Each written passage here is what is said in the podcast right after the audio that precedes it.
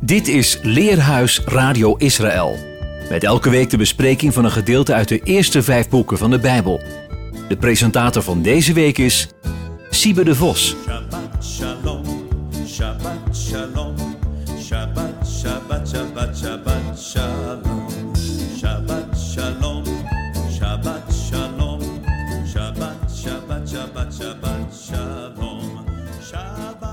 De negende lezing uit de Torah heet Vayeshev, wat betekent en hij woonde.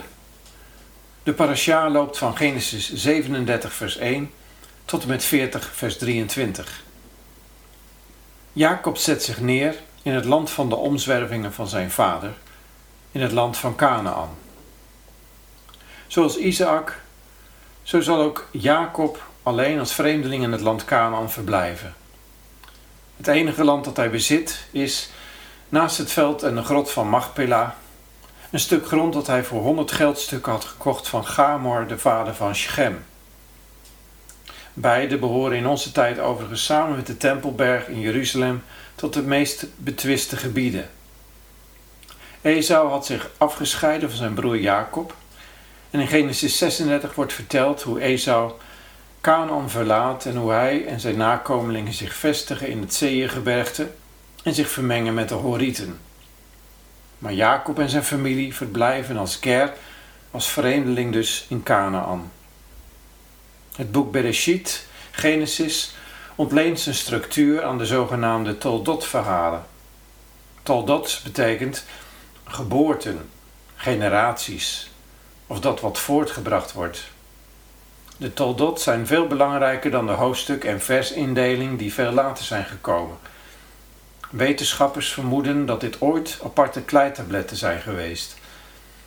De eerste Toldot vinden we in 2 vers 4 de toldot van hemel en aarde. De laatste toldot wordt aangeduid in onze parasha, Genesis 37, vers 2.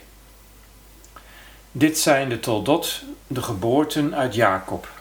Jozef is als zoon van 17 jaar herder geworden over het wolvee bij zijn broeders.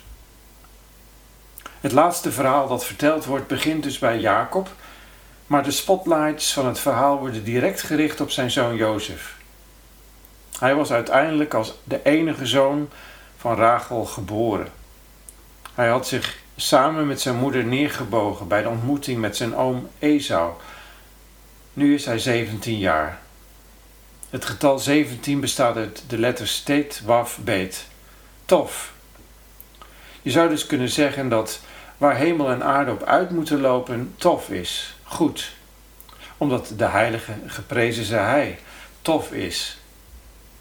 Het boek Genesis is een literair kunstwerk.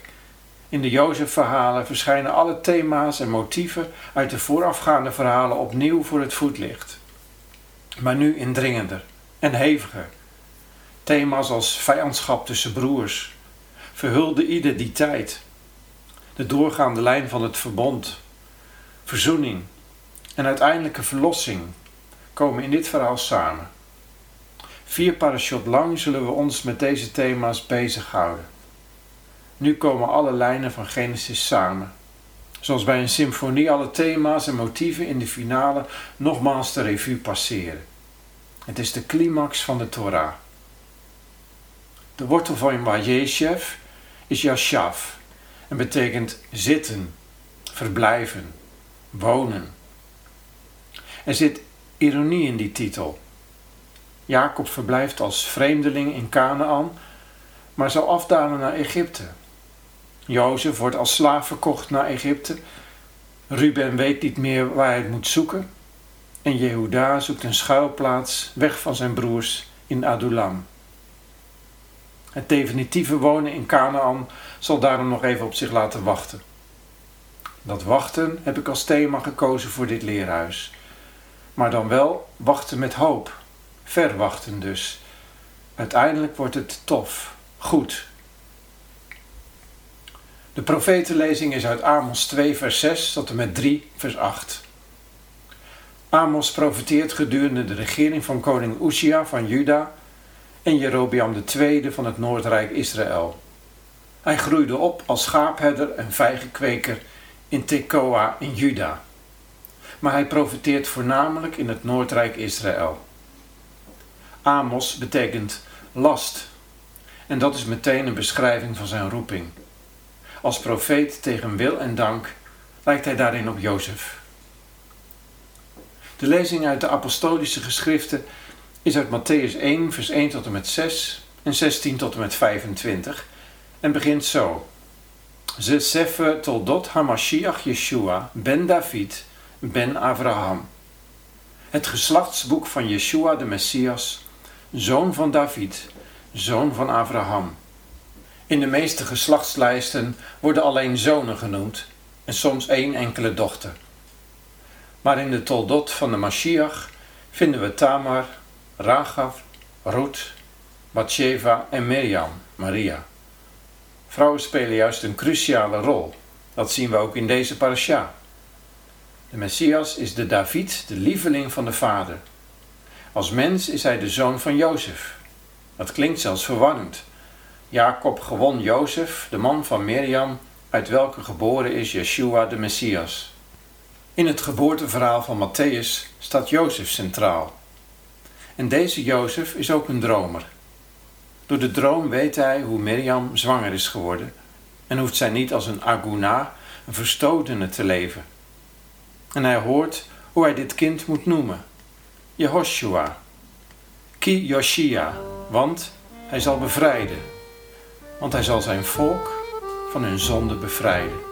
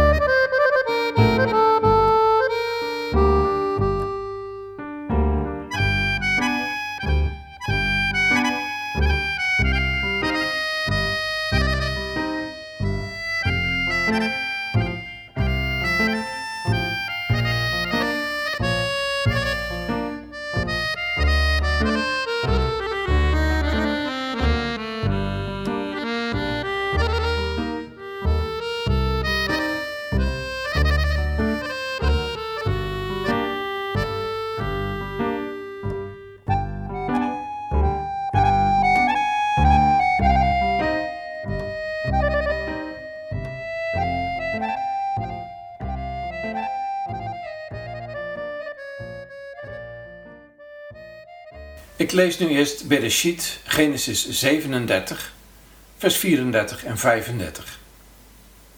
Toen scheurde Jacob zijn kleren, deed een rouwgewaad om zijn middel en rouwde vele dagen om zijn zoon. Al zijn zoon en al zijn dochter stonden op om hem te troosten, maar hij weigerde zich te laten troosten en zei: Voorzeker, ik zal treurend naar mijn zoon in het graf afdalen. Zo beweende zijn vader hem. De geboorte van Jozef was de aanleiding van Jacob om zich los te maken van Laban. Genesis 30, vers 25. Toen hij de 14 jaar erop had zitten die hij voor Lea en Rachel had moeten werken. Toch moest hij nog zes jaar werken voor zijn eigen kudde. Maar daarna beginnen de avonturen pas. Het gevecht met de mysterieuze man aan de overkant van de Jabok. De ontmoeting met zijn broer Esau de verkrachting van zijn dochter Dina in Schem, waarop haar broers Shimon en Levi de totale gemeenschap uitmoorden. De hernieuwde ontmoeting met Hashem in Beit-El. Het grote verlies van Rachel langs de weg naar Efrat, terwijl ze bevalt van zijn jongste zoon Benjamin. En dan zijn zoon Ruben, die zich wil laten gelden door bij zijn vrouw Bilha te liggen. En tenslotte het sterven en begraven van zijn vader Isaac bij Mamre in Hebron. Daar in Hebron is hij na vele omzwervingen terug bij zijn oorsprong. ook al is er nog steeds een vreemdeling in Canaan. Jozef groeit uit tot een jonge man in wie Jacob zijn opvolger en evenbeeld herkent. Voor hem is hij de eerstgeborene, ook al werd hij, behalve Benjamin, na al de zonen van Lea geboren. En ook na de zonen van Billa en Zilpa, die samen vier zonen ter wereld brachten op naam van Rachel en Lea. Jozef was Rachels eerstgeborene.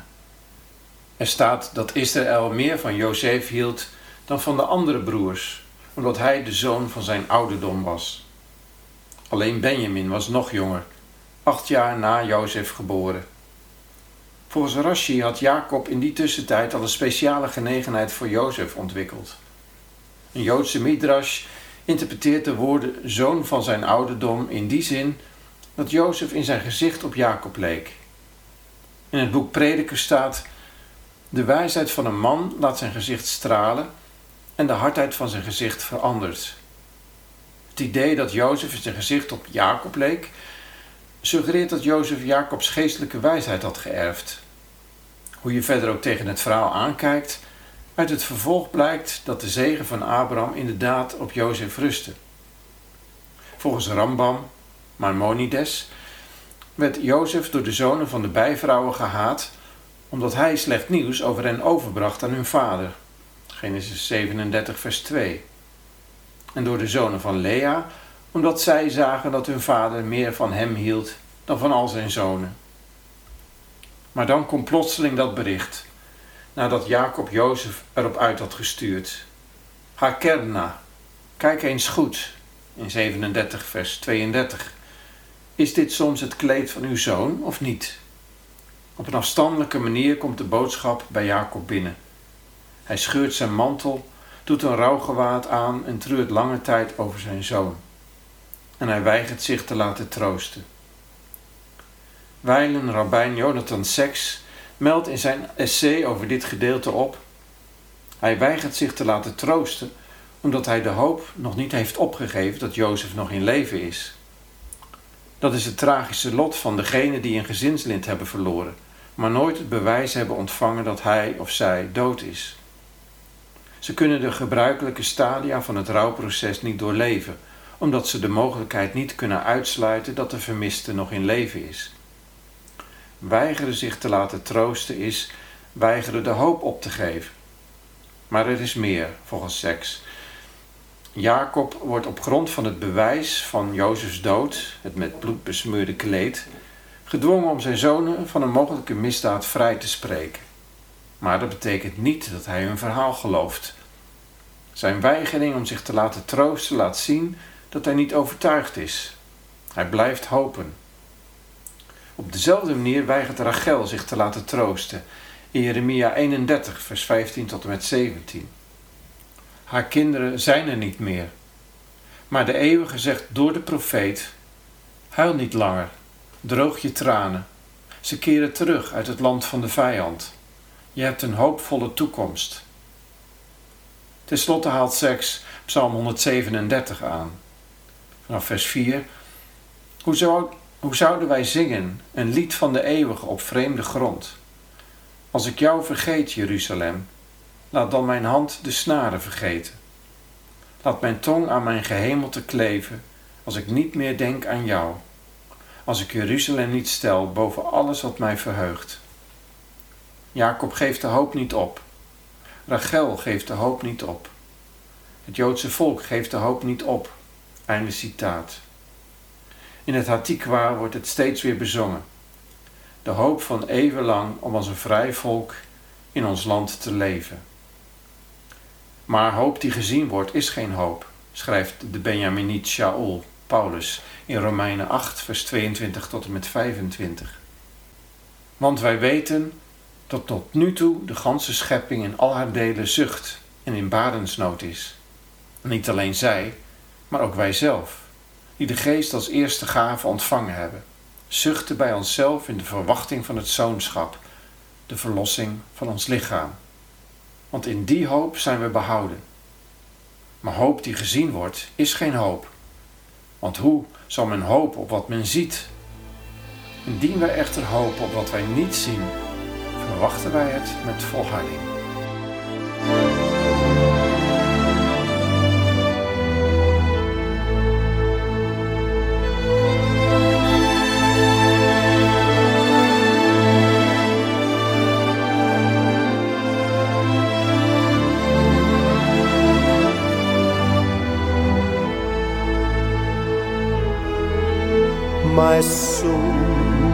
Finds rest in God alone. Salvation comes from Him, for He alone has been my rock. I never will be shaken. Still, my soul, be still, my soul, and find your rest in Him. Be still, my soul, for rest will come to those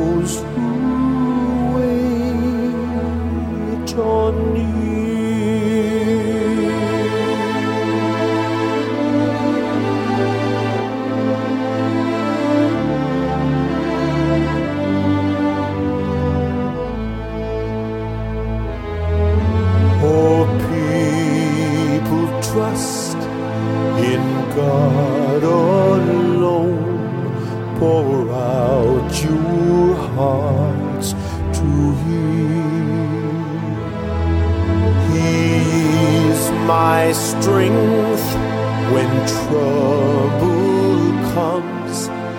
On Him I will depend. Be still, my soul, be still, my soul, and find your rest in Him. Be still, my soul, for rest will come to those who wait on Him. Be still, my soul, be still, my soul, and find your rest in Be still, my soul, for rest will come to those who trust in Him.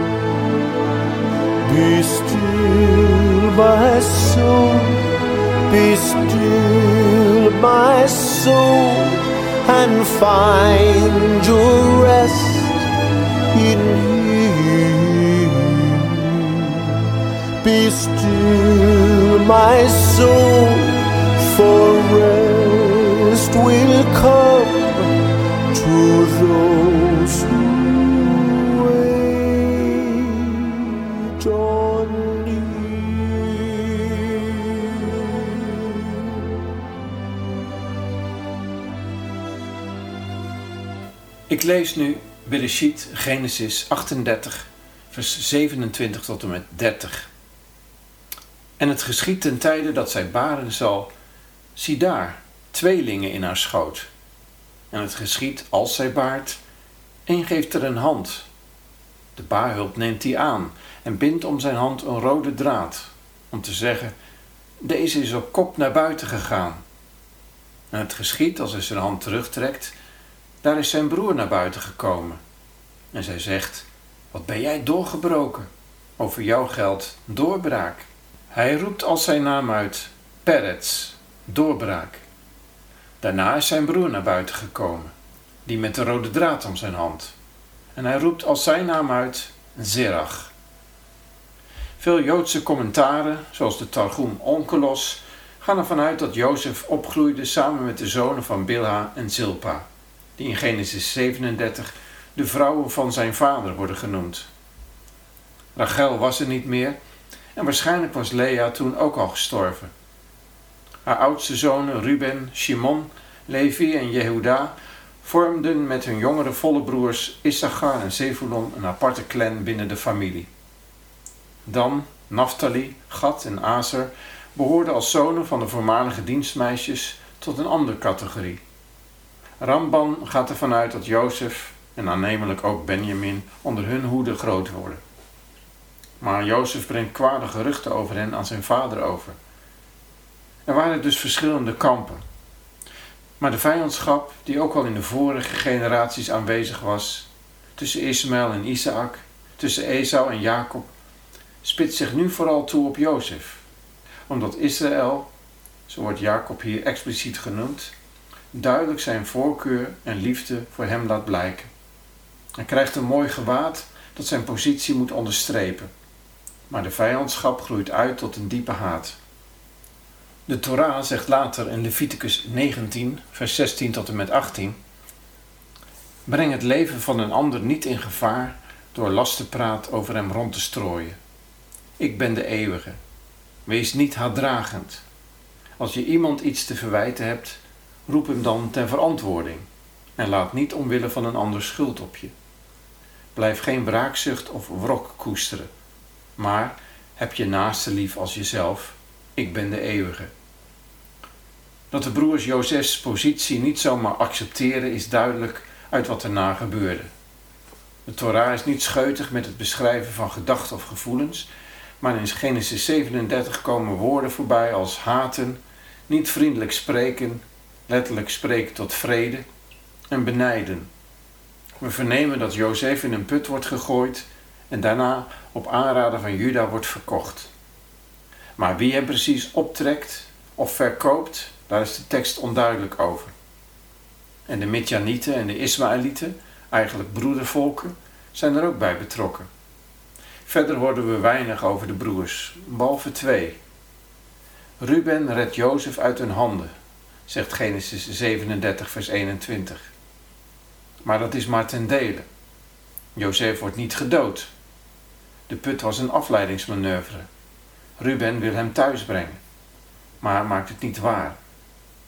Volgens rabbijn Seks is dat een patroon. Eerder had Ruben liefdesappels voor zijn moeder Lea gezocht, maar dat was uitgelopen op de uiting van haar bitterheid ten opzichte van Rachel. Na Rachels dood doet hij, volgens een midrash, een poging om Jacobs bed te verplaatsen van Bilha, de dienares van Rachel, naar de tent van Lea. Maar dit pakt helemaal fout uit. Zijn positie lijkt uitgespeeld. Vervolgens horen we over Juda. Ongewild draagt hij bij tot de redding van zijn familie door zijn voorstel om Jozef niet te doden, maar te verkopen. Maar al snel daarna gaat hij bij zijn broers weg.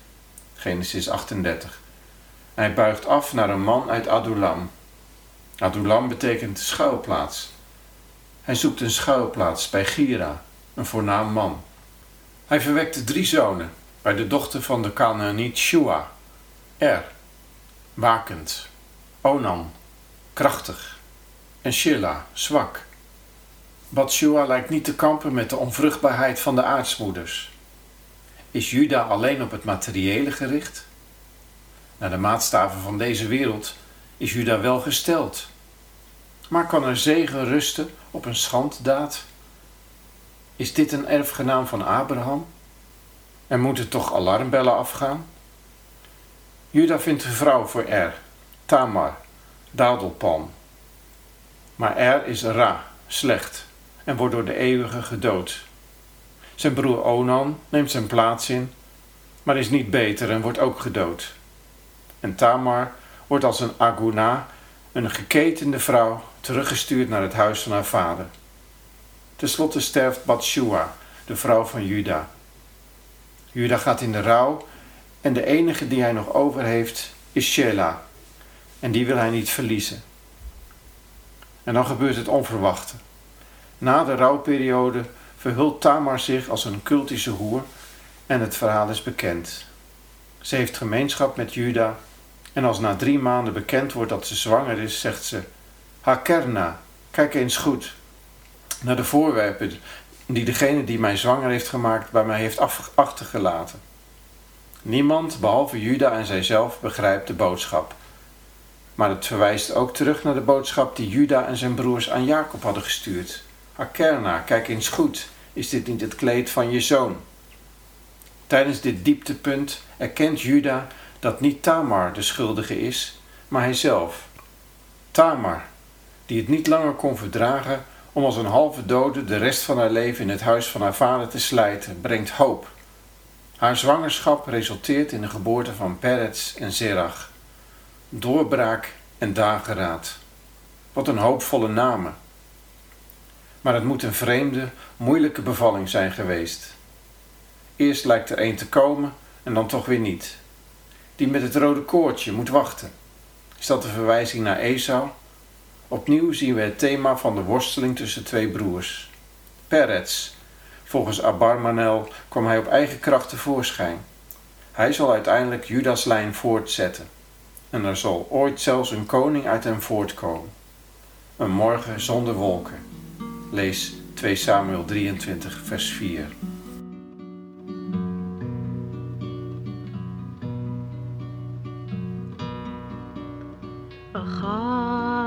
Shati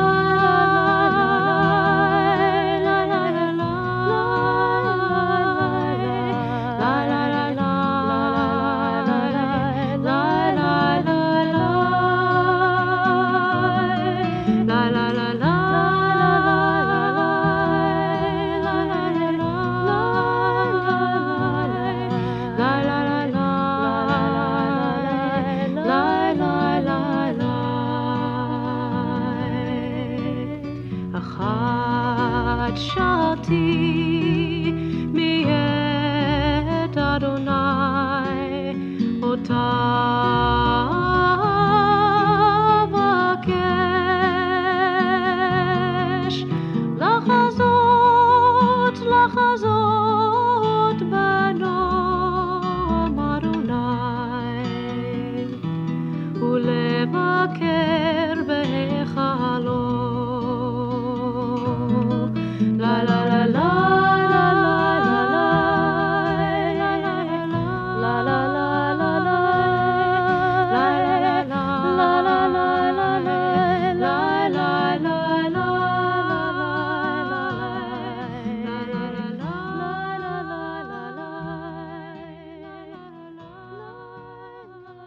Ten slotte lees ik Bereshit, Genesis 40, vers 23.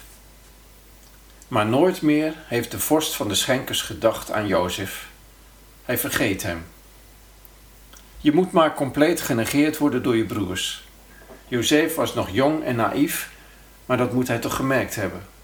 Toch ging hij op weg, toen zijn vader hem naar zijn broers stuurde. In de tekst komen we steeds weer het woord zenden tegen. Hij was de gezondene van de vader. En hij wordt door Jacob gezonden om zijn broers te zoeken. In Schem. Daar waren al eerder nare dingen gebeurd. Dina was er verkracht en Simon en Levi hadden er flink huis gehouden. Van Schem, waar hij dacht dat ze zouden zijn, gaat hij op aanwijzing van een man, volgens sommigen een engel, nog noordelijker naar Dothan. De vruchtbare vlakte van Dothan ligt tussen de heuvels van Samaria en het Karmelgebergte. Hier is een goede doorgang voor reizigers van Gilead op weg naar Egypte. Dit was de weg van de Ismaëlieten die Jozef naar Egypte brachten. Jacob's zonen kwamen op de vruchtbare weidegronden af. Vlak bij Dothan waren vierkante putten van zo'n drie meter diep. En zo werd Jozef in de put gezonden. Moest hij afdalen naar Egypte. Kwam als slaaf in dienst bij Potifar en belandde uiteindelijk ook nog eens in de gevangenis. Zo kan het leven een rollercoaster lijken. Maar toch was in alles voorzien. Steeds weer lezen we: En de eeuwige was met Jozef. Was hij dan zo'n uitzonderlijk persoon? Of was het omdat de zegen van Abraham op hem rustte? In ieder geval leefde hij vanuit het diepe vertrouwen dat Hashem, dat de eeuwige met hem was. Rashi merkt op: God was altijd op zijn lippen. Niet als stopwoord of als vrome praat, maar diep. Vanuit zijn hart was er steeds die hoop op God. Tegen de vrouw van Potifar, die hem probeert te verleiden, zegt hij: Zou ik zondigen tegen God? Genesis 39, vers 9. En als de schenker hem vertelt dat hij heeft gedroomd, zegt hij: Is de uitleg niet aan God? 40, vers 8. In de volgende parashot komen daarvan nog veel voorbeelden voorbij. Let er maar eens op. En dan luidt de laatste regel van Wajeshev. De schenker dacht niet meer aan Jozef, hij vergat hem. Commentatoren vroegen zich af, niet herinneren, Zagor, en vergeten, Jakach, komen toch op hetzelfde neer. Maar een zekere Mosje Bogomilski heeft een boeiende interpretatie. De eerste is de schenker, de tweede is Jozef. De schenker dacht niet meer aan Jozef en Jozef vergat hem. Jozef dacht niet meer aan de schenker. Eerst had hij zijn hoop wel op hem gericht, maar later besefte hij dat alleen God zijn vertrouwen waard is. Ik las in het boek Diepe Gronden, God ervaren in de Psalmen van Dr. Matthew Jacoby. Het grootste gedeelte van de Bijbelse geschiedenis bestaat uit mensen die wachten op God. Dat vergeten we snel. De reeks ontzagwekkende daden van God trekken immers veel meer aandacht. Toch zit tussen de hoogtepunten vaak veel tijd. Het grootste deel van de geschiedenis, zoals die in de Bijbel is opgetekend, moet het doen zonder sensationele daden. Mensen moesten soms lang wachten, onder moeilijke omstandigheden. Het boek Psalmen beschrijft de machtige daden van God, maar de meeste psalmen werden geschreven in de periode waarin God niets deed. Het zijn gebeden, gedichten van verlangen en lofzangen, gecomponeerd in de schijnbaar uitzichtloze wachtkamers van het leven. Einde citaat. Daarom spreken de psalmen ook ons nog steeds aan. En op dezelfde manier wachtte ook Jozef op God. In Psalm 27, vers 14 lezen we: Wacht op de eeuwige, wees sterk, en hij zal uw hart sterk maken. Ja, wacht op de eeuwige. In het Hebreeuws kun je dezelfde gedachte ook verkort weergeven met Gazak, Gazak, maar niet Gazeek. Wees sterk, wees sterk en word versterkt. Als een compleet boek van de Torah is gelezen, worden deze woorden gezegd. Want de woorden van de Torah zijn levende woorden waar we ons aan mogen vasthouden. We hebben nagedacht over de toldot van Jacob, die uiteindelijk uitliepen in de toldot van de Messias. Dat kind is gekomen en hoeven we niet meer te verwachten. Wel mogen we op zijn terugkeer hopen. Ik leerde vroeger in een simpele maar krachtige preek de drie K's: kribbe, kruis, komst. We zien uit naar de geboorte van een nieuwe wereld, of liever deze wereld, maar dan hersteld. Voordat ik eindig met de woorden uit Hebreeën 12, vers 1 en 2, neem ik hierbij afscheid als presentator van het programma Leerhuis Radio Israël, waar ik tien jaar aan mocht meewerken. Samen uitziend naar zijn komst wens ik een ieder Shabbat Shalom. Nu wij door zo'n menigte geloofsgetuigen omringd zijn, moeten ook wij elke last van ons afwerpen, evenals de zonde waarin we steeds weer verstrikt raken, en vastberaden de wedstrijd lopen die voor ons ligt. Laten we daarbij de blik gericht houden op Yeshua, de grondlegger en voltooier van ons geloof. Met de vreugde voor ogen die voor hem in het verschiet lag, heeft hij het kruis verdragen en de schande ervan aanvaard. En heeft hij zijn plaats ingenomen aan de rechterzijde van de troon van God.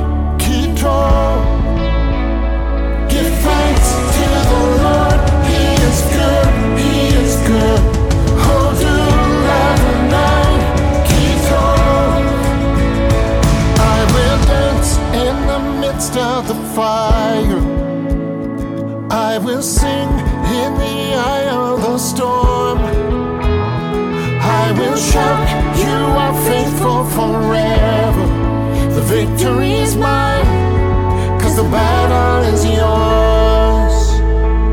I will dance in the midst of the fire. I will sing in the eye of the storm. I will shout, You are faithful forever. The victory is mine, 'cause the battle is yours. The victory is mine, 'cause the battle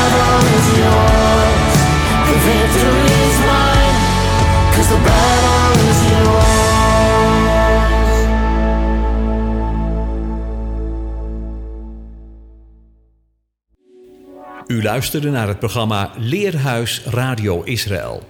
Een wekelijkse studie aan de hand van de Bijbelgedeelten die wekelijks door de Joodse gemeenschap worden gelezen. Heeft u een vraag of opmerking? Stuur dan een e-mail naar info-apenstaatje radioisrael.nl. Het leesrooster vindt u op onze website.